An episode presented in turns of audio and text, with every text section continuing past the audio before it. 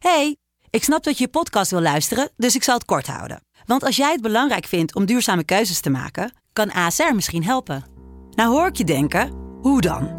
Nou, bijvoorbeeld bij het duurzaam herstellen van schade. Of de premies die we beleggen volgens ons duurzaam beleggingsbeleid. Dat bepaalt waar we wel en juist niet in investeren.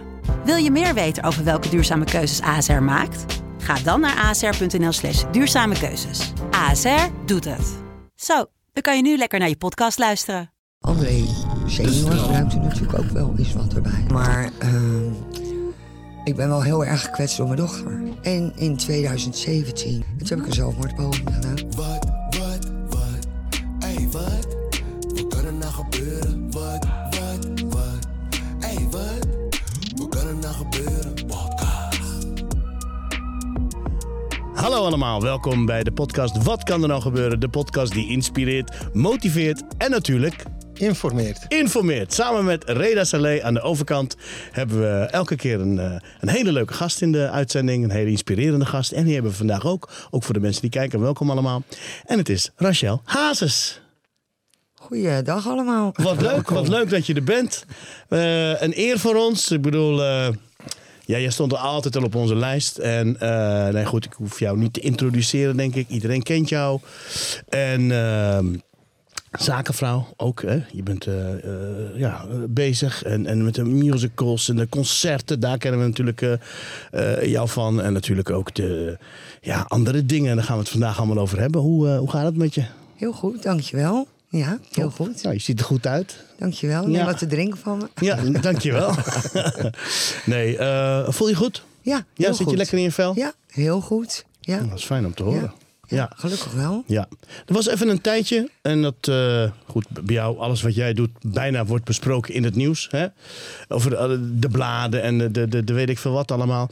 Maar er was even een tijdje dat het niet goed ging met je. In, in, in, toen, toen, toen was het ook in, in het ziekenhuis, hè? Ja. En had het mee te maken met, eh, met, met, met, met medicijnen die je nam? Of, want ik had dat niet helemaal meegekregen. Nee, ik, ehm, ik zeg, eh, zeg maar, ik ben gevallen in oktober van 2016. Ja, En op een ja, onverklaarbare manier. Ik kan je nog niet vertellen wat dat is geweest. Nee. En toen ben ik achteraf een dag later gevonden. En afgevoerd naar het ziekenhuis eh, met de ambulance. En ik weet van alles niks. Dus ik weet niet hoe ik gevallen ben. Nee. Ik, ben- ik weet niet dat ik in de ambulance heb gelegen. Ik weet niet eh, met, eh, wel, wat voor onderzoeken ze allemaal toen hebben gedaan. En eigenlijk vanaf dat moment ging het heel slecht met mij. Ja. En ik werd vergeetachtig en ik werd warrig en ik, ik douchte me niet meer en ik at niet meer. En nou, lang verhaal kort, het werd alleen maar slechter en slechter met mij. En in 2017, toen eh, is, eh, zeg maar, heb ik een beetje kortsluiting gehad. ja. En toen heb ik een zelfmoordpoging gedaan. ja. En toen ehm, ben ik daarna opgenomen. Ja. ja. Wat heftig zeg. Ja, heel heftig. En, en in die tijd had je, had je dan het idee van eh, eh, het wordt allemaal te veel of kwamen er te veel dingen op je af? Ehm, ik denk dat ik een vrouw ben. Ik zeg eigenlijk nooit hoe ik me echt voel. Ja. Dus als iemand aan mij vroeg van hoe gaat het met je, dan is het standaard, ging het altijd goed. Ja. Maar ik heb natuurlijk toen in die periode heel veel meegemaakt, zeg maar ook na het overlijden. Hè. Ik was natuurlijk Ja. best wel jong toen André overleed, 34. Ja. Met twee jonge kinderen, 10 en 11. Ja, en dan is het buiten het verlies, is het ook gewoon een keiharde wereld. Ja. Dus of we, of we nou link- links stonden, dan hadden we rechts moeten staan. We konden eigenlijk niet zoveel goed doen. Nee. En je wil gewoon sterk zijn hè? en blijven voor de kinderen. Maar achteraf werd het natuurlijk druppeltje, druppeltje, druppeltje. En het emmertje zat vol. Ja. Ja. Ken je dat ook, uh, Reda? Als gewoon heel veel dingen eh, op je afkomen. Goed, wij, wij vluchten dan hè, als verslaafden in herstel vluchten wij in middelen. Ja, me ik, ik, herken dat- dat... wel. Ik, eh, ik moet daar heel erg waakzaam voor zijn. Nog Want steeds? Ik, ja, nog steeds, ja. ja, ja gelukkig eh, herken ik dat. Hè. Vroeger zag ik die trein niet aankomen. Nou zie ik hem aankomen en dan kan ik blijven staan of ik kan wegstappen. Eh, maar ik herken dat wel. En vooral de laatste jaren dat het zo druk wordt. eh, een gezin, een bedrijf. eh, mensen die, die aan je trekken. Mensen die dingen van je verwachten. En als je heel moeilijk nee kan zeggen. En je bent een pleaser. Je wilt er altijd voor iemand zijn. En dan kan je wel eens jezelf vergeten. Ja. En Dus ik herken, ik herken dat wel. Ja. Dat herken ik wel, ja. Ja, dat is wel... moeilijk als dat in je zit, om dat op tijd te herkennen. Ik heb vaak dat mensen om me heen tegen me zeggen: hey, jij moet echt even een stapje achteruit doen. Want als, anders gaat het straks eh, fout. Ja. En dat pleasen, dat, dat herken ik ook. Ja. En, eh, nou goed, we kennen elkaar een beetje. Maar jij, jij staat ook altijd voor iedereen klaar. Jij bent ook altijd iemand die als een ander het maar goed heeft en leuk heeft... cijfer je jezelf eigenlijk een beetje weg. Ja, klopt. Alleen ik zeg wel heel eerlijk, ik ben aan de ene kant wel blij dat het me dan wel is overkomen. Hè? Zeg Ja. Maar het beetje ziek zijn, want ik noem het toch een klein beetje ziek zijn. Omdat ik wel daardoor nee heb leren zeggen. Ja. Eh, dat, dat, dat leer je gewoon. En wat ik heel fijn vind, is dat je, als je zo diep hebt gezeten, eh, je waardeert ook de kleine dingetjes. Dus een vogeltje wat fluit, een zonnetje wat schijnt. Je bent, kijk, vroeger vond je die tas mooi en die Ja. horloge wilde je hebben. Maar als je dan in die fase zit dat je ziek bent, het is allemaal niet belangrijk. Probeer nou van de dag te genieten. Ja. Dus dat ben ik, dat ben ik, ben, ben ik heel erg blij. Dat ik dan ziek geworden ben en dat ik daar sterker uit ben gekomen. Ja. En dat ik zo wel van het leven ben gaan Ja. En ik probeer zo min mogelijk, en zou je wel zeggen, hoe, hoe kan jij dit nou zeggen? Maar er zijn ook natuurlijk een hoop dingen die me worden aangedaan. Ja. Ik probeer ook zo min mogelijk het negatieve Ja. toe te laten. Ja. Maar dat, dat, dat lijkt me ook wat. Eh, net wat je zegt. Of je, het nou, je doet het eigenlijk nooit goed. Hè? Dat is een beetje. En dit is toch Nederland. En eh, ja, jouw man was toch eh, de- een van de grootste, populairste volkszangers van, ja, van de eeuw. Iedereen kent hem. Iedereen zingt het mee. Weet je wel. Dan ben jij de, de, de, de, nu de, de, weduwe. Dus. En dat lijkt me dan zo moeilijk om. ehm, om een soort van pad te kiezen. Weet je wel, van wat, hoe kan ik het nou goed doen? Hoe kan ik nou zijn legacy, zijn, zijn, zijn, wat hij heeft achtergelaten op een mooie manier... en dat zijn fans er nog van kunnen genieten. Want daar gaat het vaak om, hè? Dat ze jou dat dan verwijten. En terwijl ik eh, de, de... heb je- de dingen gekeken? Die had ik, eh, zij gelooft in mij, de Ja, documentaire. Vind ik nog steeds een van de ja. allermooiste documentaires... Nederlandse documentaires die ik heb gezien. Omdat ik... Kijk, ik ben geen zanger, maar ik herkende mezelf in hem de eenzaamheid van een artiest die wordt geleefd door management die stress en druk en elke keer weer. En toen zag ik hem, ik denk, oh man, dit is. Dit, dit, dit, dit was ik ook, weet je wel. En ik ben toen ook naar middelen gaan, eh, gaan gebruiken. Hoe, wanneer was er een moment dat jij dacht van, oké, dit gaat niet goed of hij drinkt te veel? Dan heb ik het over eh, André eh, senior. Nou, zeg maar de eerste keer dat ik met André natuurlijk eh, contact kreeg, Ja, was ik 15. ja, En ehm, toen kregen wij echt gevoelens voor elkaar. Toen zijn wij ook met elkaar naar bed geweest. oké, ja. En eh, toen heb ik, er, heb ik er zelf voor gekozen om uit André's leven te gaan een paar jaar. Want het voelde mij gewoon niet goed. Ik, ik voelde me gewoon te jong. Het kon gewoon niet. Nee. Toen had ik natuurlijk wel door dat Dre al dronk. Ja, Toen ik bij André terugkwam, toen was ik twintig. En toen was André gestopt met de drank. Een Oké. paar weken. Dus toen heb ik hem eigenlijk echt heel nuchter meegemaakt. Ja. ja. En had hij daar hulp bij gekregen om te stoppen met drank? Heeft hij... Nou, het gekke is, André die heeft eh, altijd heel veel gedronken. z- Eigenlijk zijn hele leven lang. Vanaf heel jong ook. Hè? En ehm, als Dre, dan speelde zijn leven op, zeg maar. En zodra hij pijn kreeg, of ja, net het idee dat hij leven eruit wilde, zo, noem- zo vertelde hij het zelf altijd. Dan zat hij altijd met zijn hand op zijn, op zijn lever, zeg maar. En dan liet Dre zich opnemen in het ziekenhuis. En dan zei de um, internist van, ja, het is, het is gewoon echt heel precair, weet je wel. Hoe André met de bloedwaardes. En, en dan na twee weken, dan zei de internist, het is ongelooflijk hoe André hersteld is. Ja, linkersoep is dat. Ja, dus André herstelde ook heel snel. En toen dacht hij van, ik kan weer. Eigenlijk wel, ja. ja, ja, ja, ja. En hoe ging jij daarmee om? Ehm, nou ja, ik was natuurlijk heel jong toen ik bij André kwam. Ja. Wij scheelden ook nog eens 19 jaar. Dus André was ook een man die zich niet iets liet vertellen. die was echt wel de baas in huis. En ehm, tuurlijk, hè, je hebt op een gegeven moment twee kinderen. En je ziet natuurlijk hè, dat het niet goed gaat met je man. Hè, dat het eigenlijk steeds erger wordt. En dan nog niet zozeer voor André of voor mij. Maar ik heb wel aan André wel eens gevraagd van... joh, Dre, stop ermee. Want Of ga minder drinken, want je hebt twee kinderen. Eh, misschien wil je opa worden, wil je daarvan genieten. Ja, en Dre had gewoon een bepaalde denkwijze. Die zei gewoon, Ras, ik leef nog liever vijf jaar met alle geneugden dan tien jaar zonder. En hoe, hoe pijnlijk dat ook is als een man dat zegt, ja, daar kan ik me dan alleen maar bij neerleggen. Ja, maar hoe ging je om met die machteloosheid? Dat ligt er zelf gewoon bij neer. Nou, kijk, in het begin natuurlijk ehm, ga je truc uithalen. Dus dan deden wij bijvoorbeeld, eh, was ik het bier vergeten, zogenaamd. Ja, ja, ja, ja. ja, ja. Ja. Of dan ehm, een vriend van André, die deed dan bijvoorbeeld, eh, stel dat ze in een hotel waren, dan trok hij die stekker uit de koelkast. Dus Dre dronk geen lauw bier. Oh ja. Dus dan zat die koelkast wel vol. En als hij dan een biertje, dan ja. De, André presteerde het ook echt om op zijn hotelkamer zo'n ehm, frisdrank eh, eh, koelkast te laten komen. En die had hij helemaal vol laten leggen met bier. Maar ja, lauw bier dronk hij niet. Nou, en als bijvoorbeeld zijn vriend weer met hem meereed hè, eh, naar een optreden. En Dre wilde altijd een BVO'tje, dus voor een biertje voor onderweg noemde hij dat. BVO'tje. En dan ging zijn vriend weer op die blikjes bier zitten, dat het maar lauw werd. Oh, serieus? ja, dus, Bijzonder. ja, dus we hebben echt wel met elkaar, want dat doe je natuurlijk dan ook Ja. met elkaar, hè, proberen om hem dan minder te laten drinken.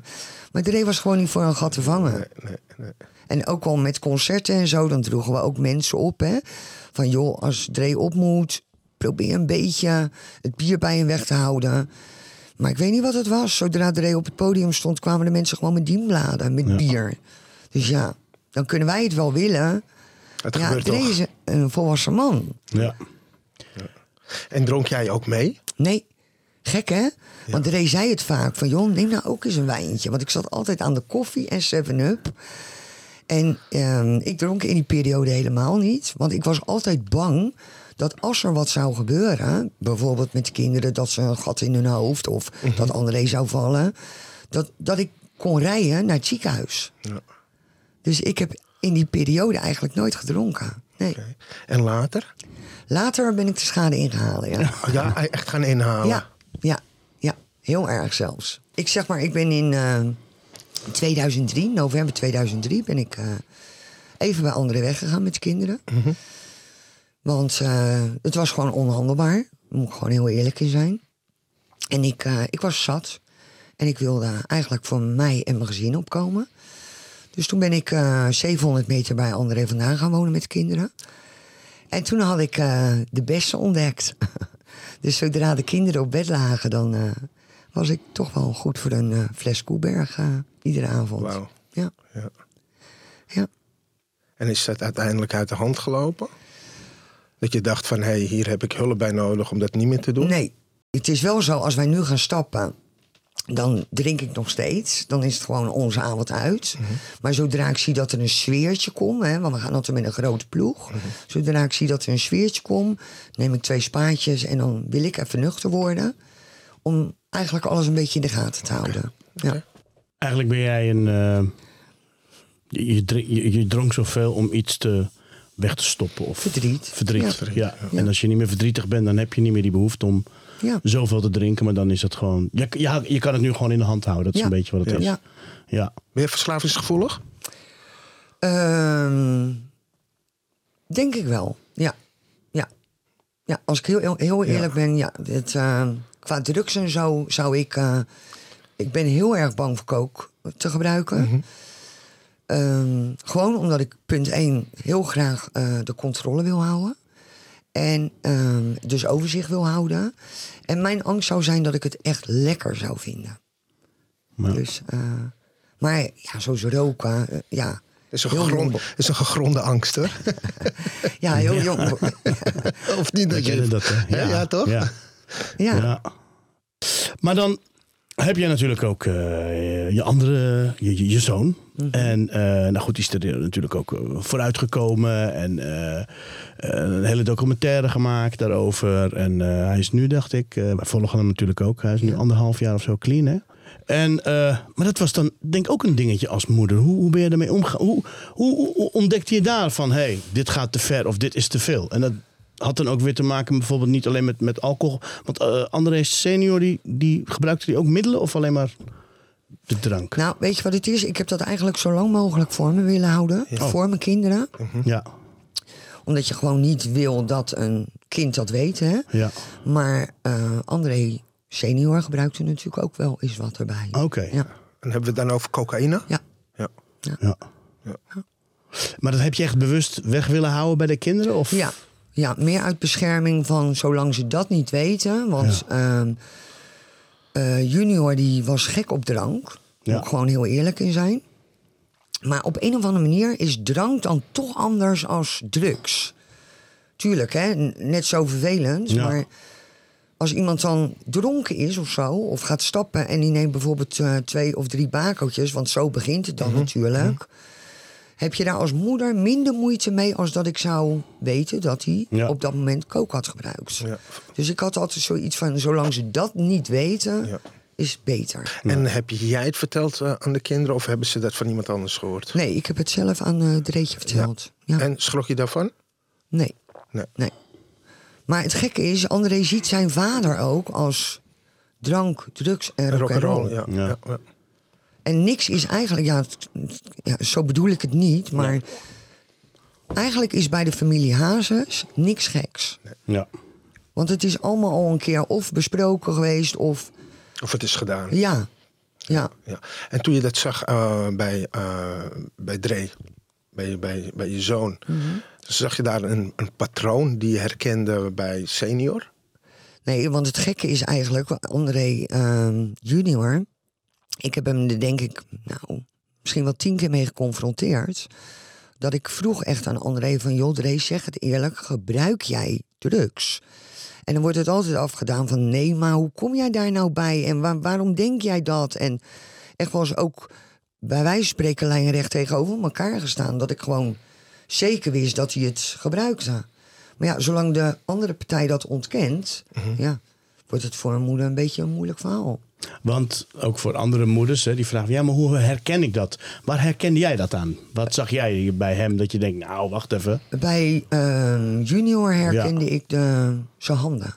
Oh ja? Ja, ik noemde hem altijd Joe Cocker. Hij stond af en toe zo, weet je wel. Oh, gewoon de. de Helemaal verkrekt. Ja, De- hoe noem je de- dat? Ja. eh, helemaal strak. Ja, Ja. ja. en dan ging hij praten en dan stond hij zo met zijn handen. En dan dacht ik, ja, dit kan niet. Maar dan was het altijd, nee mam, ik heb een neusje op, weet je. Dus eh, Maar hij kwam nog wel uit zijn woorden. ja, Ja, dat wel. En zijn ogen, zag je niks aan zijn ogen? ja misschien wel. Maar het is altijd natuurlijk donker en in een gelegenheid. Ja, ja. Maar meer de manier van doen. Ja, Ja. Want ja, kijk, eh, jullie zijn, eh, eh, tenminste, eh, het is niet zo dat je elk dubbeltje om moet leggen, waardoor hij bijvoorbeeld als hij drugs nodig heeft, bij sommige kinderen gaat stelen, dingen gaat doen. Dus dan zou je het niet aan merken aan bijvoorbeeld. nou, dat ik er... merkte het wel dus Oh, daaraan. oh, oké, oké. Ja, Oh, ja, waren wel sorry. bedragen weg. Oh, oh, nou, wel, nee, ja. niet bedragen weg. Nee. Maar André ging best wel jong stappen, met 15. Ja, En ehm, dan, dan, ja, dan geef je natuurlijk je, je zoon geld mee. ja. En dan gaf ik als moeder, omdat hij dan ook de taxi heen kreeg. En hij bleef bij een vriend slapen, die was ook zeven jaar ouder. En ik dacht, dat kwam ook uit een hele goede familie. Dus ik dacht, nou, dat zit wel goed. Ja. Die jongen is eh, wat ouder, komt uit een goede familie. Dus hij was dan 15 dat hij ging stappen. En dan gaf ik 200 euro mee. ja.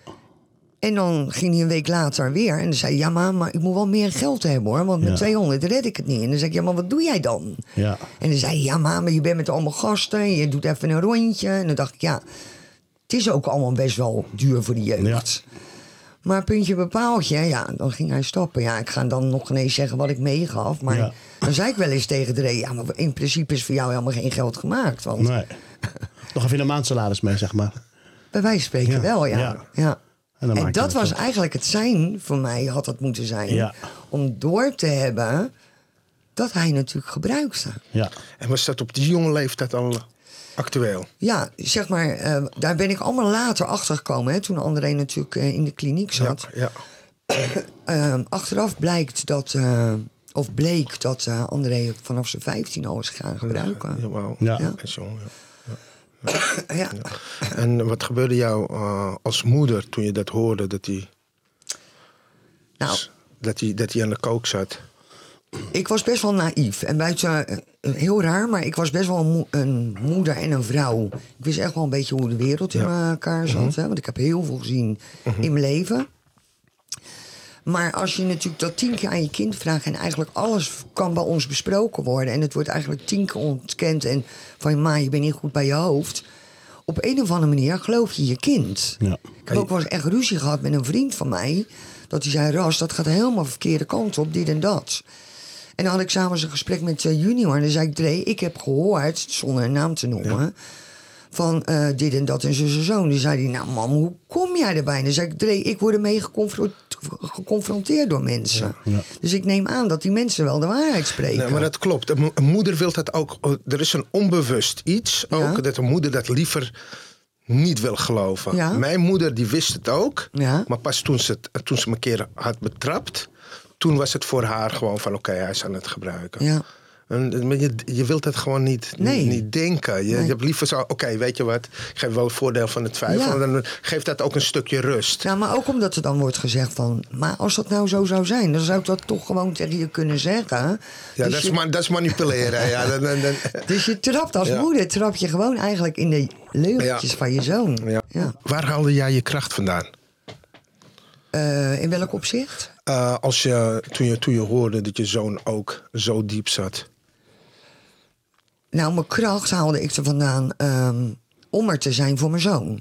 Ja. Want toen André... Kijk, het, er zat natuurlijk een, een traject aan vooraf. Voordat André zeg maar de kliniek inging, belde André mij s'avonds op. Eh, zat hij in de auto en toen zei hij... Mam, ik heb echt een serieus probleem en ik wil dat je me helpt. Ja. Maar toen vertelde hij eigenlijk nog niet de waarheid tegen me. Toen zei hij van, ik zit er helemaal doorheen. Ik kan van niks meer genieten. Eh, er is niks wat me gelukkig maakt. Dan schrik je al eigenlijk als moeder. Want dan denk je als moeder, welke kant gaat zoiets op? Ja. In welke toestand is hij nu? Gaat hij misschien gekke dingen doen? Of... En je hebt elkaar aan de telefoon. Dus je kan ook niet in zijn ogen kijken van... hoe, is hij op dit moment? hè? Klopt, ja. Dus ehm, toen zei die mam, ik heb je hulp nodig. Nou, toen heb ik hem natuurlijk geholpen. Ik blijf levenslang de familie van Zoelen dankbaar. Want Sarah en haar ouders... die hebben er toch voor gezorgd dat mijn kind in een kliniek terecht kwam. En ik vind gewoon, dat zal ik mijn leven nooit vergeten. Ja. En dan ga je zo'n traject in met je kind, hè? Want zodra jouw kind daar zit, ga je terug naar de basis. Hè? Dus vanaf de jeugd ga je eigenlijk kijken waar is het fout gegaan, of waar hadden we dit, of waar hadden we dat. Je zit in praatsessies met je zoon. En dan gaat je kind tegen jou vertellen van, eh, mam, ik eh, durf het bijna niet te zeggen, maar ik ben verslaafd. En dat heb ik als heel zwaar ervaren. Ik zie, het, eh, ik Ja. zie nog steeds dat het heel Ja. veel met je doet. Ja. Ja. Ja. Ja. Dat ga ik hem ook mijn hele leven niet vergeten. Nou, heb je jezelf de schuld gegeven daarvan? Ja, ja. Toch qua opvoeding misschien toch te vrij geweest. Ja. En te makkelijk. Maar ja, aan de andere kant, dan moet je dat ook maar weer gelijk loslaten. Want stel dat ik hem dan wel sterk had opgevoed. Ja, dan was het misschien ook weer een heel stiekem kind geworden. Had hij misschien wel eh, een bank overvallen. Ja, ik zeg ook maar iets geks. Maar dus ja, ik heb het mezelf wel heel erg kwalijk genomen. Hoe ga je met emoties om? Ik schrijf heel veel, dus ik schrijf Schrijft heel veel van af. Heb je een boek? nee, je bent bezig ook met Ja, een boek, dat hè? klopt. Ja, je bent bezig met een boek.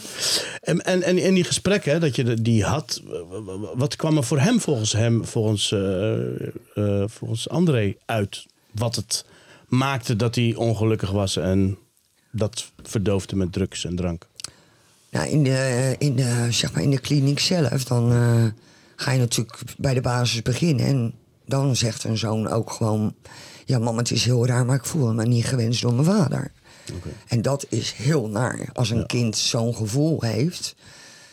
Alleen dan ga je natuurlijk uitleggen, omdat ik daar natuurlijk dacht dat het natuurlijk nog een, zeg maar, een emotionele burn-out was. En dat er alleen een drankprobleem was. Ja. Dan ga je uitleggen van nee, Dre, je moet het nou even voor je zien. Jij zit hier nu ook voor je drankprobleem. Ja. Maar je moet eigenlijk ook zien dat papa, jullie kwamen uit school. Zeg maar om eh, kwart over drie. Ja. Papa was om drie uur uit zijn bed gekomen. Nou, die had een hele, er was een dieseltje, die moest echt opstarten, Ja. twee uur lang. Ja. Ja, Dreetje kwam binnen met een skateboard of rolschaatsen. Ja, dan zat Dre in zijn stoel met andere woorden. Oh, jij heb je hem weer. Hè? Druk kind. Dus ik- dat probeerde ik ook aan Dre uit te leggen dat hij meer dan gewenst was. Maar dat eigenlijk vader met een kater in zijn stoel zat. Ja. En als je dan die praatsessies hebt, Ja. Ja, dat, dat helpt natuurlijk enorm. Ja. Nee, ik herken dat hoor. Dat heel laat eh, uit het bed komen. Hè, en dan ook eh, in, in de showbiz gespeeld hebben. En dan door gaan zijn gezakt.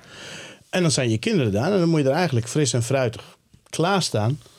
Om met je kinderen dingen te doen, weet Ja. je wel. En als dat eh, door ja, de, de middelen wordt belemmerd. Ja, dan kan ik me heel goed voorstellen dat zo'n kind op een gegeven moment denkt van... weet je, wat is dat dan?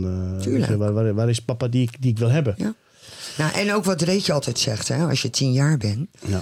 dan heb je eigenlijk geen vraag aan een vader. Ja, hoe vind je mijn tekening? Of eh, eh, stel je, je hebt iets gebouwd van Lego, dan ga je aan een vader vragen hoe vind je mijn huis wat ik gebouwd heb. Ja. Maar de vragen komen natuurlijk pas echt met eh, een oudere leeftijd. Ja. Dus nu heeft hij vragen aan zijn vader. Ja. Dus ik merk wel dat hij natuurlijk een vaderfiguur mist. Ja. Alleen je kan je kinderen eigenlijk alles geven. Ja. Je kan ze niet het verdriet ontnemen. En je kan niet een vader geven op dat moment. Ja. En dat vind ik wel heel zwaar dat je als dan moeder, vader en moeder tegelijk bent. Ja. Heb je dat wel geprobeerd om dat te geven? Want ik herken dat wel bij mijn moeder. Mijn vader was overleden toen ik twee was. Ja. En mijn moeder probeerde ook te fungeren als. Nou, niet als man, maar ons wel de lessen mee probeerde te geven. Die vader probeerde mee te geven. Ja. En wat ik ook hoorde, dat André best wel streng was Mhm. daarin. Mijn moeder, die is daar echt in doorgeslagen op een gegeven moment. He- Heb jij ook dat soort gevoelens gehad? Dat je dacht van, nu moet ik opeens eh, die, die, die touw strak gaan trekken. Want als ik dat niet doe, Nee. dan gaat het helemaal fout. Nee, want het gekke is, Rox en Dre waren natuurlijk 10 en 11 Ja. hè, toen eh, André overleed. En gek genoeg weten ze wel toch de bepaalde levenslessen van oude Dre nog. Gewoon alsjeblieft, dankjewel. eh eh dat het allemaal niet vanzelfsprekend is. André die vond het vreselijk hoeveel speelgoed de kinderen hadden. En niet omdat hij het zijn kinderen niet gunde... maar meer omdat hij het natuurlijk in zijn eigen jeugd niet had... Ja. En dan ga je natuurlijk ook weer vergelijken. En nogmaals, Roxy had misschien wel 300 Barbies. En ze had er 3000 ook mogen krijgen. Maar Dre zei altijd, Ras, ik hou mijn hart vast. Want ze worden ook nog een keer 18. En wat gaan we dan geven? Ja. Dus Dre was heeft, gewoon echt bang dat ze te verwend waren. ja, Dre heeft echt wel de Ja. kinderen kort willen houden. Klopt, ja. Ja. Ja. En er is natuurlijk heel veel informatie en levenslessen in zijn muziek. Hè? Ja. Dat ook nog. Nou, Dre weet, die, eh, het klinkt heel raar, maar eh, junior kan ik mee laten doen met Wedden Dat. Ja. Want die weet precies ieder oetje, iedere uithaal van zijn vader. Precies waar hij de ehm, stop met zingen. eh, het is gewoon bijna eng wat hij van, wat klein André van zijn vader weet. Ja. Fantastisch. En hoe is dat zeg maar om te leven? Kijk, je, je hebt mensen die, die verslaafd zijn. Die horen we niet, zien we niet. Die gaan naar een kliniek en leiden hun leven. Maar als je bekend bent, hè, eh, zoals, zoals ik en eh, Dre... Ja, dan wordt alles uitgemeten. Kijk, en, en, en, en laten we eerlijk wezen. eh, de media, tenminste ik niet, maar af en toe wel... heb je nodig om te zeggen, hey, ik heb een nieuwe show, kom dan en dan. Maar nu in deze tijd is het niet alleen maar ik heb een nieuwe show. Nee, we willen ook weten, oh, wat zit je haar raar? Of daar gaan we het over hebben. En het is er niet één of twee. Hè? Vroeger had je in Nederland één en twee en drie. Maar het is nu alles. Het is nu social media. Dus die, die druk en het nieuws. Want op een gegeven moment... Kijk, dat je een nieuwsje brengt, prima. Maar ik had bij het idee bij, bij jou en bij, bij, bij, bij Dreetje... elke dag nieuws. El- hoe, ga je ermee om? Ik zou, ik zou Nou, gek worden van... Weet je wat van- het is, Najib? Het klinkt heel raar, hè? Ja. Maar eigenlijk als je van jaren mij ziet... Hè, oh, Ja. dit praat ik even over voor mezelf... Ja. Ik geef eigenlijk nooit geen interviews. hè. Nee, nee, nee. met- dus maar- ik zoek de media niet op. Nee. André heeft toen voor zichzelf gekozen van ik, ik, ik las een mediastilte in. Ik ga een jaar helemaal niks doen. Hij heeft geen socials gebruikt, niks. Maar op een of andere manier triggerde dat schijnbaar dan toch in de media... Ja. dat het bijna iedere dag nieuws was. Ja. Dat ik wel eens dacht van, maar er is niks te melden. Nee. En wij melden niks. Snap je dan wat ik bedoel? Dus Ja. het ging ook vaak ook weer een eigen leven leiden. Ja, er werd er ook veel verzonnen. Ja. Ja. En dat, dan, dan sta je eigenlijk met je rug tegen de muur. Want wij hadden de keuze. En ik respecteerde vooral André's keuze. Om niet in de media te verschijnen. Maar er komt er eigenlijk zoveel onzin. En voornamelijk bagger. Ja. Dat je dan met je rug tegen de muur staat van. Nou zeggen we niks. Maar eigenlijk hadden we misschien beter dan wel wat kunnen zeggen. Dat het. Want nou krijg je eigenlijk een kutverhaal. Dus, En- Maar dat gebeurt nog steeds. Hoe ga je daar nu mee om? Ja, voor mezelf, ja, ik heb daar maling aan. Ja. Dat klinkt heel raar. We, hè? we weten het nu wel. eh, Ja. eh, de rouwende weduwe. En, eh, het zijn allemaal zinnen, het maakt me niet uit. Mhm. Weet je, in het begin vond ik het gewoon heel vervelend... voor mijn kinderen die naar school moesten. Want kinderen zijn onderling hard. Snap Ja. ik. En dat is, dan is het gewoon vervelend. Ze mogen mij de grootste, afschuwelijkste vrouw vinden. En doe maar lelijk. Weet je, want waarom praat iemand lelijk als jij mij niet kent? Ja. Ga nou eens, Klopt, ga nou eens een klein beetje, dat je een klein beetje empathisch vermogen hebt. Dat je nou een klein beetje in ons verdiept. Van waarom doet die vrouw dat? Of waarom is dan de zoon dat? Of eh, de dochter dat? Mhm. Weet je, het is zo makkelijk om een mening te hebben over iemand die je niet kent. Vooral in deze tijd. Ja. Ja. En het, voornamelijk, het is ook vaak anoniem, hè? Want wij lopen overal. Of het nou Amsterdam is, Rotterdam, Den Haag, Utrecht, eh, Twente. Waarom komt nou nooit iemand naar me toe die zegt: Ik vind jou een kutwijf? Vind ik leuk, hè? Als iemand dat zou zeggen, dan kan ik zeggen: "Waar- Maar waarom vind jij mij dan een kutwijf? Dan kan je eh, gaan sparren met elkaar.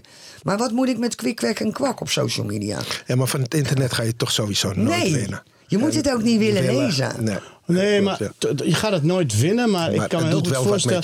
Kijk, weet je wat het is? Mensen denken er te makkelijk over. Hè? Ja. Maar als het jou overkomt, of ze hebben het over jouw moeder of jouw kind, Ja. dan ga je anders denken. Ja. Net als bijvoorbeeld, extreem voorbeeld, de doodstraf. Ik zeg, nee, nee, maar dat moeten we niet doen. Weet je, dat, dat moeten we niet doen. Doodstraf, dat is niet humaan, bla bla bla. Totdat ze jouw kind doden en verkrachten. Nou, vraag dan maar aan zo'n ouder, joh, moeten we me in, of de dood. Weet je, dat is. Dat, dat- als het jou overkomt, als het over jou gaat, net als met discriminatie, weet je wel, dat, eh, ja, ik, ja, goed, ja, kom op, stel je niet zo aan. Maar als het jou overkomt, jij wordt gediscrimineerd, jij komt niet naar binnen, dan is het een heel ander gevoel. En dat heb ik ook met, als het om mijn werk gaat, prima. Ja. Maar om mijn privéleven, wat ik doe of eh, waar, hoe, hoe ik over dingen denk, dat daar zo'n heisa wordt over gemaakt. Ja, dan denk ik, van, waar, waar bemoei je je mee, man? Ik Ja, en vaak ook eh, niet oordelen waar oren en ogen niet zijn geweest. Nee, zeg ik nee, altijd. nee, het is vooral nu hè, van horen. Ik Ja. heb gehoord dat, die en die. Het gaat eigenlijk een beetje terug naar de, de, de, de, de, vroegere tijden. Dat zeiden, ja, maar die vrouw is een heks. Hoe bedoel je? Ja, ze kan over water lopen. Nou, er werd, er werd, er werd, die vrouw werd opgepakt en die werd verbrand. Maar weet je wel, dat was extreem. Ja. En nu is het van, ja, ik zag hem in een drugspand. Serieus? Ja, maar hij gebruikt drugs. Aha, dat schrijven we op. Nou, en dan, moet je, en dan gaan ze je vraag stellen. Dan moet ik zeggen, nee, ik was daar niet. En dan zeggen ze, ja, maar je hebt toch vroeger drugs gebruikt? Ja, dat klopt. Ja. Ja. Weet je, dus het, het, het, het, het, het voelt toch heel gek om alles maar over je heen te laten komen. Hè? En dan, of ja, maar ik ga vind, het iets- ook, ik vind ook bepaalde dingen. Eh, gaat een ander ook helemaal niet aan. Nee, maar dat, dat, En dat, dat klinkt misschien arrogant, maar het interesseert mij werkelijk niks. En ik heb hele lieve buren, Ja. maar het interesseert me werkelijk niet wat die mensen vanavond eten. Nee. En ik loop wel eens bij een supermarkt en dan zie je mensen in een karretje kijken. Ja. Ja, dan denk ik, ja, die zitten dan mijn gerecht, eh, gerecht denk ik samen te En stellen. dat schrijven ze op. Ik weet toevallig wat jouw buren eten vanavond. Oké. Die hebben namelijk boerenkool met eh, runder gehakt. Oh, niet met woord. Nee, nee, met worst. nou, dat nee, ik heb het ook- wel halal of niet? Nee, ook niet eens. Ik heb geen halal buren. Nee, maar zonder gekkigheid. Ik, weet je, het is de, de, de laatste tijd, maar ook na aanloop van concerten, weet je wel. Het was, ik hoefde helemaal niks van jou te weten. Maar het, je wordt ermee om de oren geslagen. Ja. Eh, eh, en dan over je kinderen. Eh, André heeft dit. André heeft een nieuwe vriendin. Hij heeft weer een vriendin. Had in één week had hij wel vier vriendinnen. Nou kan dat kloppen hoor. Ja, eh, hij zingt het ook. Pak alles wat je kan en ga. Nee, even zonder gekkigheid. Maar, ehm, oké. eh, dan zit je in, in die kliniek. En dan eh, zie je je kind eigenlijk, ja, hoe zeg je dat? Ja, de afgrond ingaan. Terwijl, ik, ik, ik, ik, ik ben niet jaloers op André, maar ik benijd hem wel. Weet je, hij ziet er goed uit, eh, mooie carrière, eh, populaire zanger. Maar dan zie je hem dus. En wat doet dat dan met je? Wat, wat, hoe, hoe denk je, komt hij er bovenop? Had je daar geloof in? Of vertrouwde je dat? Of, Nou, eigenlijk slechter als toen André in die kliniek zat, kon Ja. het eigenlijk niet gaan. Ja. Dus eh, dan heb ik, heb, heb ik eigenlijk als moeder gehad van hij kan nu alleen nog maar gaan klimmen. Ja. En hij nam echt eh, eh, zijn therapie heel serieus. Hij zat natuurlijk met zo'n counselor. En Ja. ja. hij zat natuurlijk eigenlijk één op één. Ja. Dus 24 uur per dag zijn ze met je bezig. Dus eh, ik, ik had wel het idee dat, daar, dat André daar in goede handen was, zeg maar. Ja. Ehm, ja, en Dre was gewoon eigenlijk... ik ben natuurlijk later nog een keer gegaan. En dan zie je gewoon eigenlijk Dre veel frisser worden. Ja. Het moment dat ik daar de eerste keer was... ja, toen schrok ik echt van hem. Ja. Maar ja, zeg maar, de tweede keer toen was hij al, had hij al zoveel stappen gemaakt. En ja, hij was zo serieus met alles bezig. En ook toen André natuurlijk bij mij in huis kwam wonen. Hè, want André Ja. heeft natuurlijk bijna Ja. 14 maanden bij mij in huis gewoond. Ja, dan nam hij het echt heel serieus. Dan had hij zo'n whiteboard. En dan moet je natuurlijk je dagen en je, eh, je, je dagindeling gaan doen. En dan deed hij iedere dag trouw invullen wat hij of moest doen of wat hij gedaan had.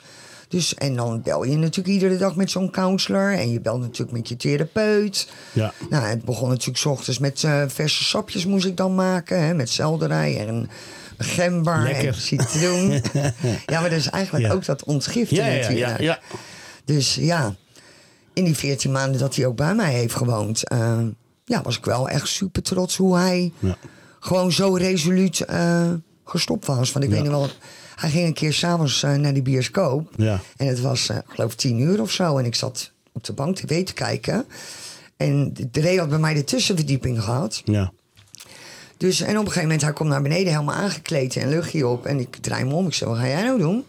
Hij zegt, ja, ik ga naar de bioscoop. Ik zeg, nou, echt niet. Maar ja, dan vergeet je ook weer dat je kind natuurlijk richting de 30 gaat. Ja, ja, ja.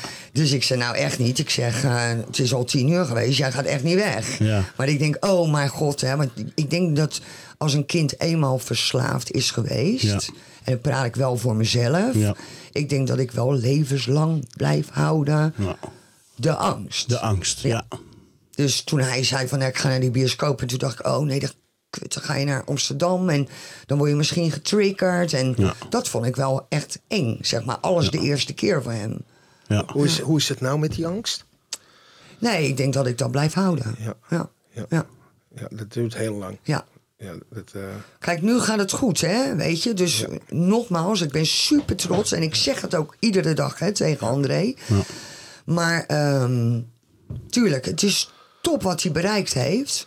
Maar mijn angst zit dadelijk toch bij Dreetje als hij weer gaat werken. hoe ziet jouw angst eruit? Wat, wat- wat, wat doe jij als je zo angstig voelt? Ja, ik kan er eigenlijk alleen maar afwachten. En hopen dat André eerlijk tegen me blijft. En ook aangeeft wanneer hij het moeilijk gaat krijgen. Ja. En dat schrijf je van je af of je belt iemand op. Je praat, Nee, praat je nee, erover nee, met eigenlijk- anderen over of niet? Nee, Als ik- je je zo angstig voelt. Nee, ik heb gelukkig wel hele goede mensen om me Ja. heen. Dus, en nogmaals, alles is bespreekbaar bij ons. Dus dat is fijn om met mensen te kunnen sparren. Ja, ja. dat bedoel ik. Ja. Ja. Ja, dat is Dus, heel eh, belangrijk. Ja. Ja. Ik denk dat het misschien een van de belangrijkste dingen is. Hè? En naast hulp vragen, maar ook een, iemand waar je vertrouwd mee bent en die er voor jou is. Ja. Weet je, kijk, jij bent er voor je kind hè? en eh, die- je vangt die klappen op. Maar wie is er dan voor jou? Ja. Wij hebben eh, een kleine boodschap voor jou. Oh? Ja, daar komt hij. Ja, goedemorgen lieve schat. Eh Najib heeft mij gevraagd voor jou een eh, filmpje te maken. Nou, dat doe ik natuurlijk met liefde. Ehm, waarom ik het doe, want eigenlijk zou ik het eigenlijk nooit gedaan hebben... is dat ik het echt verafschuw hoe jij in Nederland wordt neergezet. Eh, ik ken jouw gouden hart. Ik weet hoe het leven jou getergd heeft soms. Ik weet waar jij je staande hebt gehouden. Ik weet wat jij voor mensen doet. Ik weet ehm, eigenlijk dat je een ontzettende gever bent... Je wel zeggen bij jou is al een drama. Want als iemand iets voor jou wil doen, dan geef je tienvoudig terug.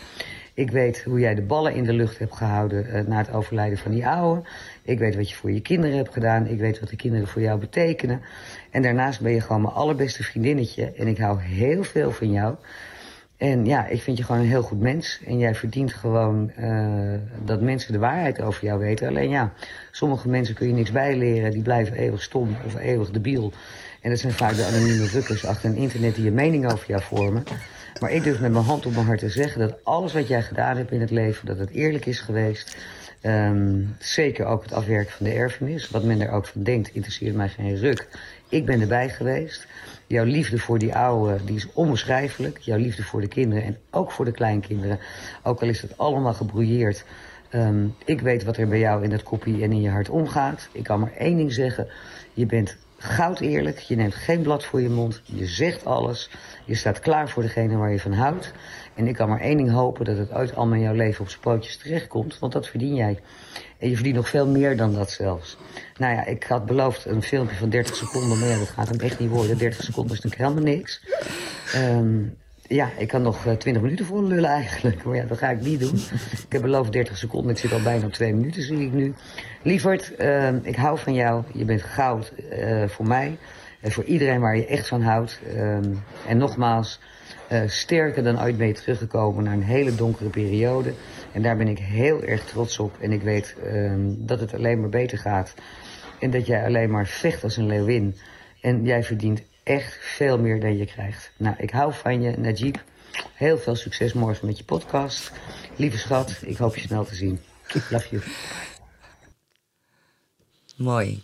Ja, dit is voor mij eh voor onschatbare waarde. Ja, ik vind het heel fijn eh, dat eh, een van mijn beste vriendinnen dat ook zegt. Ja, die kent je ook heel goed. Ja, Ja, dus wij gaan al 27 jaar terug. ja. En zij is eigenlijk bij, eh, bij eh, alles eh, bij geweest. ja.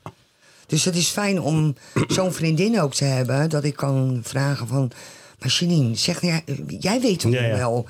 Weet je? Heb ik iets fout gedaan? Of wat, ben ik... eh, Of hoe zit dat dan? Of hoe heb jij dat dan ervaren? Ja, Dus eh, nee, ik, eh, ja, zij, zij houdt heel veel van mij, maar ik, eh, ik ga dood voor haar ook hoor. ja. Ja. Want we hoorden het al, hè? Het, het- het- sommige dingen zijn eh, goed uitgemeten, maar we weten natuurlijk niet de, ware verhaal. Maar daarom zit jij hier, zoals met je dochter. Weet je, ik- ja, ik hoop gewoon persoonlijk dat het ooit op een dag gewoon, weet je, en misschien hebben dingen tijd nodig, dat het gewoon goed komt tussen jullie. Weet je, jullie hebben het allemaal zo zwaar gehad met, als familie zijnde. En, en, en, maar er komt denk ik een tijd dat je bij elkaar moet gaan en, en, en moet praten. Hoe, hoe, hoe denk jij daarover? Ja, op zich is natuurlijk familie heel belangrijk. Ja, Maar ehm, ik ben wel heel erg gekwetst door mijn dochter. Dus tuurlijk, alles zal eh, tijd nood- nodig hebben. Maar ehm, ik, ik moet voor mezelf moet ik daar wel eh, echt eh, een plek voor gaan zoeken van... eh, wil ik dit nog wel? Ja. Ja. Maar eh, is het dan zo dat het gewoon. ehm, eh, moet het dan van, iemand, zeg maar, van haar kant dan komen? Of heb jij zoiets van: ik zal ooit een keer een poging gaan doen? Of hoe moet ik dat zien? Nee. Ik ga, ik ga sowieso nooit een poging doen. Nee. Nee. Dus als, eh, als Rox eh, met mij zou willen praten, dan eh, moet Rox echt naar mij toe komen. Ja, maar dan sta je er gewoon voor open. Dan. Ja. Ja, ik zou dat heel mooi vinden. Ik bedoel, het is, ik weet niet. Ik, ik, ik, ja, ik kan me voorstellen dat je gebrouilleerd bent met iets of dat je ruzie hebt.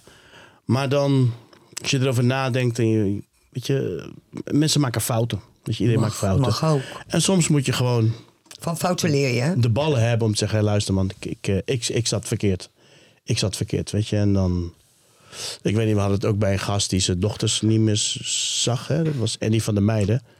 En toen hoopte ik ook zo, ik denk, wat zonde man, weet je. En natuurlijk, ik weet niet wat er is gebeurd. Maar daarna kwam er een toenaderings. En volgens mij heeft hij daar nu contact mee, toch? Als het goed is. wel. Ja, en dat vond ik iets moois hebben, weet je. wel, Omdat Maar weet je wat het is, Najib? Een, eh, een moederhart en eh, moederliefde is altijd onvoorwaardelijk. Ja, Alleen, eh, er zijn gewoon bepaalde dingen gebeurd Ja. die gewoon niet waar zijn. En ehm, waar ik gewoon publiekelijk echt wel eh, ja, gewoon aan de schandpaal ben genageld. ja, En dat heeft mij gewoon wel echt heel veel pijn gedaan. ja. Dus nogmaals, als mijn dochter met mij wil praten, dan eh, ben ik bereid om met haar te praten. Maar dan moet ze echt zelf komen. Ja. Nou, ik zou het heel mooi vinden als ze luistert. eh, denk even na. Kijk in je hart. En eh, het is nooit te laat, toch? Ja, nooit te laat. Nee. Maar weet je wat het ook is? Wij waren als, als gezin, hè, met z'n vieren, waren Ja. wij zo sterk. Ja. En zeg maar na het overlijden waren we eigenlijk nog sterker. Omdat we natuurlijk alleen nog maar elkaar hadden. Ja. En ik begrijp ook hè, dat mijn kinderen gewoon echt een klap hebben gehad. Ja. Want je bent natuurlijk ook heel jong als een vader komt te overlijden. En Ja. de kinderen hadden net zoveel verdriet als ik als partner. Ja. Alleen iedereen natuurlijk op zijn eigen manier. Ik als partner en de kinderen die hun vader ineens moesten missen. Dus ik begrijp ook de frustratie, eh, de woede bij kinderen. eh, sommige domme acties, laten we het dan maar even zo zeggen. Maar ze weten ook dat ik er onvoorwaardelijk voor mijn kinderen zal zijn. Ja. Dus daarom is het gewoon zo zonde dat je dan zo te grabbel wordt gegooid. Ja, nee, absoluut mee eens. Maar ook het feit dat hè, jullie zijn een bekend gezin en- en Nederland leeft met jullie mee door middel van ze kennen jullie en jou en de kinderen van kleins af aan. En dan denk je eigenlijk, weet je wel, ze hebben het allemaal goed voor elkaar. Hè? En natuurlijk het overlijden van, eh, van, van André, dat was natuurlijk eh, vreselijk. Maar daarna kijken ze met z'n drieën. eh, hij een carrière, zij begint te zingen. nou ja, een film hebben we gehad. Weet je, allemaal dingen dat je denkt als buitenstaander... wauw, wat een succesvolle familie. eh, geen geldzorgen. Weet je wel, dat je... Sommige denken, mensen denken dan... dat, maakt geluk, dat, dat zal gelukkig... dan zou je gelukkig zijn. Als je heel veel geld hebt en iedereen kent je.